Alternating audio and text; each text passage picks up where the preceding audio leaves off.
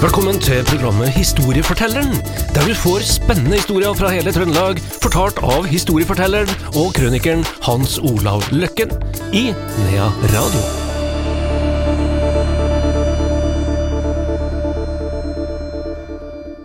Velkommen til et nytt program i serien Historiefortelleren, og velkommen til deg, Hans Olav Løkken. Jo, takk. I dag har du lovt å fortelle meg en historie om en råtass fra Toten, og nå er jeg virkelig nysgjerrig.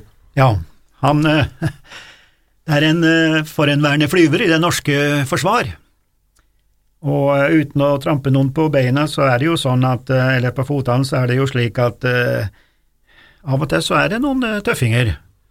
Og de var utrolig tøffe eh, i krigen og straks etter krigen. Og dessverre så gikk det gærent med så altfor mange. De første 20 årene etter krigen, altså de første 20 årene i fredstid, så mista vi 195 av de. På kullet til sjefen min, de var 34 som var i USA til utdannelse. 34 kom, de kom tilbake fra USA. Da den 18. på kullet hans omkom, så hivde han flightshoot og hjelm og slutta. Du kan jo tenke sjøl, i fredstida så mister du en kamerat. Både titt og ofte. Men denne fyren her, han er ganske så kjent i miljøet. Han het Egil Hagen og kommer fra Toten. Der er det temmelig flatt. Men han her Egil Hagen, han var veldig ute etter én ting. Han drev med skihopp. Han var en ganske bra skihopper. Det var den gangen at det var pent å se på hopperne. Med Litt annen stil. ja, en helt annen stil. Og han hadde en fantastisk stil og var veldig bra, og, og drev med å hoppe der nede, og søkte seg nå inn på Eller han søkte seg i og for seg ikke inn på flyskolen, for det behøvde han ikke, han meldte seg jo da under krigen, og ble utdanna og fløy aktiv. Han øh, ble skutt ned seks ganger som jagerflyver. Første gangen så ble han skutt ned av sine egne. Ja, for eh, altså, Hærfolk og marine var ikke noe peiling på eh, flyet, vet du, så de bare så noe som var i lufta, så skjøt de på dem. Og, i forbindelse med Tirpitz på Stjørdal nå, vet du, de overførte, overførte de her skvadronene fra Sør-England opp til Kinloss og Lossiemouth i Skottland for å bruke dem mot uh, Tirpitz, så var flere av de flyene uh, som har også vært skutt ned av engelskmenn, sine egne, for de kunne ikke noen fly. Et fly var et fly, det, og skjøt dem. Så han ble først skutt ned av sine egne, så ble han også skutt ned over eh, fiendeterritoriet av tyskere, og han eh, brøt av ryggen bare et par ganger. Han eh, måtte jo nødlande. Han eh, ble satt i fengsel, eh, ble tatt til fange. Han eh, klarte å rømme. Eh, han var i lag med en Rinde, som er en eh, ganske kjent person også i, luftfarten. da. Og det er enten han Egil Hagen eller han Rinde som da skada Rommel. Man diskuterer hvem av de to som det gjorde, men altså det var norske flyvere på et attack mot en uh, konvoi uh, og skada Rommel med bil. da. Her. Og Rommel er jo ikke hvem som helst i verdenshistorien, men kanskje den største general som har levd, i hvert fall i moderne, tid. da. Og, um, men han herre han Hagen, han, han var litt spesiell type, skjønner du. Det, det gikk veldig hardt for seg når han drev og fløy. Og han havarerte jo i Norge også, i fredstid, og ingen som skjønner hvordan han over, klarte å overleve da. Eh, men eh, han begynte å få litt sånn eh, småproblemer og sånn, begynte å tenke litt i mesterlaget, og da krigen var slutt, så har han jo uttalt, da når han begynte å få noen sånne, skal vi si litt problemer, at det var nå krigen begynte for meg. Men han, du skjønner det at i, i 45, utpå høsten i 45, så kom han herre Rinde, kameraten hans. Han kom ikke tilbake til Norge før utpå høsten i 45. Og da hadde han Rinde og en annen, som kom, de kom jo via Danmark da, oppover flyene med noen Spitfire, gamle Spitfire som holdt på å dette ned, og fløy oppover Karl Johan, og tok en eh, loop omtrent over slottet, og så fløy de ned mot rådhuset eh, i Oslo, og de har jo to tårn, vet du, ikke sant, og da fløy de mellom tårnene, og da ble det et ramaskrik, da. Men da hadde de en ordentlig sjef, så sjefen gikk da uh, ut i, uh, i uh, Aftenposten, og så sa han, og da var engelsk, engelsk eh, høyreoffiser, da, han sa let the boys have some fun, la gutta ha litt moro. Det var jo tross alt freden, ikke sant? Så kommer vi til 17. mai da, i eh, 46. Da finner han her Egil Hagen ut at han skal også fly the flag, som det heter, altså, eller vi kaller det også show-off, skal vise seg fram. Han, han sier ofte når han har gjort noe sprell og sånn, så sa han nå skulle jentene på Toten ha sett meg. Det var liksom sånn standardsetning. nå skulle jentene på Toten ha sett meg, jeg synes det var godt sagt.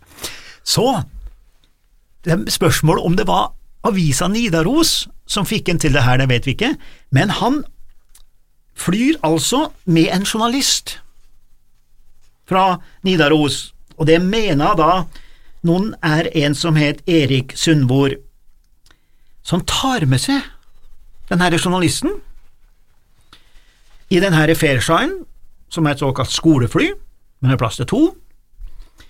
Så tar de av fra Værnes, flyr til Trondheim, kommer opp mellom bryggene, altså der nede, og så vrir de sine i Kongens gate der, til høyre, de kommer altså opp, så vrir de seg inn i Kongens gate, forbi Vår Frues kirke, altså på enden av Nordre, ikke sant? 17. mai 1946, midt på dagen, hvor et av verdens mest lengste barnetog er ute og går, og han hadde så dårlig speed at det heter seg da i Adresseavisa om han er gærningen, da, at det var gateflytrafikk, skriver Adresseavisa. Siste nytt fra Værnes, ansvarsløs gærning, står det, ansvarsløs gærning, feiet gjennom bygatene 17. mai, og så videre kunne en lese at han faktisk talt fløy i selve bygatene mellom bryggerekkene med jump, altså hopp, da over bruene, skar forbi Vår Frues tårn, langt under spiret, sneiset forbi de små tårnene på sparebanken og pirket nesten borti skolens faner med den ene vingen, altså der er det drillpika han går med faner. Så av gjenmanten og fikk eh, kontroll på flymaskinen, så flyr han altså bortover Kongens gate og runder Olav Tryggvason-statuen og er den eneste i verden som har filma Olav Tryggvason der oppe nedenfra med fly. Og vi har bilde også når han fløy, som noen adresseaviser fikk tak i. Der. Og nå flyr han altså på det som er limit, altså det er, på kanten for han steiler, ikke sant? Det skal ikke gå an, dette. Han kunne jo falt ned og midt oppi 17. mai-toget. Men han var altså rett og slett, som Adresseavisa skrev, i gåseøyne, en liten sånn gærning, ikke sant, tøffing. Og hva han herre Erik Sundvår tenkte, det har vi aldri fått rede på. Men det ble altså tatt bilder av en, så vi har dokumentert at han fløy altså rundt rundt øh, øh, Olav, statuen her. Og han Det ble jo et bråk, vet du. Husk han var nesten i fana på drillpikene, ikke sant. Og folk begynte jo å legge sammen to pluss to, tenk om, tenk om, tenk om. Og det ble et enormt øh, bråk i avisene da. Og da går også selvfølgelig sjefen ut Måtte jo det, akkurat som han der sjefen gjorde året før nede i Oslo. Så den sjefen her da, for uh, Trøndelag Luftkommando, han går ut og sier at det vil bli sak, han skal bli straffet, han fikk da 30 døgn kakebu. Da. Men vi vet at han aldri sona. Så han her, eh, obersten som ila han alt det her, og gikk ut og var korrekt, formelt, han satt sikkert bare og flira, han også. Og de har gjort det liksom formelt utad, men innerst så klappa han kanskje i henda, da.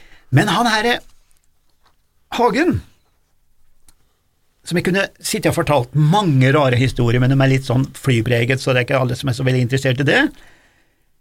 Men han, han slutta i Forsvaret. Så begynte han i Bråten Safe og mange tror at Bråten Safe kommer av Bråten Trygghet, safe for trygghet, men det gjør det ikke. Safe det står for South American Far East, de fløy på Sør-Amerika og Fjernøsten, det var der de begynte. Så han begynte med det, å bygge opp, hva med å bygge opp Bråten.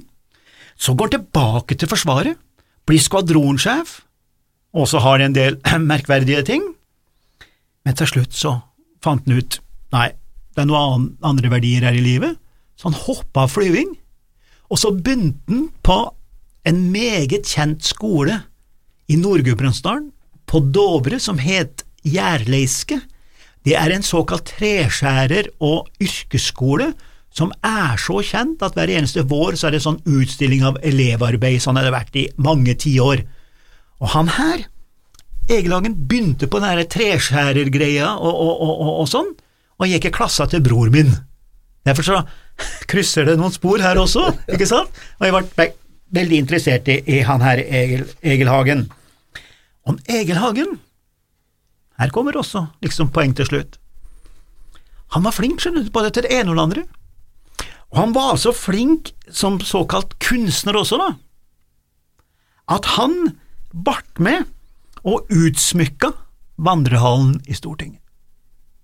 Det som han og den andre kunstneren utsmykka en hel vegg, det har vi jo selvfølgelig bilde av, det er en utsmykka vandrehallen, men det er de siste årene den veggen er nå blitt flytt inn i et auditorium i Stortinget.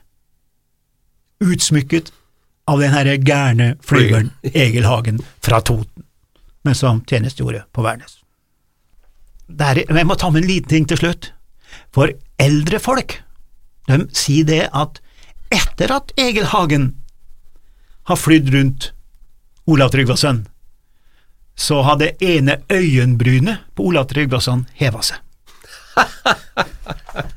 Men det var bare spørt til slutt, eh, Hans Olav. Han Var han en dyktig flyger? Han var en dyktig flyver. Man husker på at de som er blitt ansett for å være litt sånn til å ta seg friheter, du må være dyktig for å ta seg en frihet. Sånn er det vel kanskje i de fleste yrker, tror nå jeg, da. Det sa vår historieforteller Hans Olav Løkken.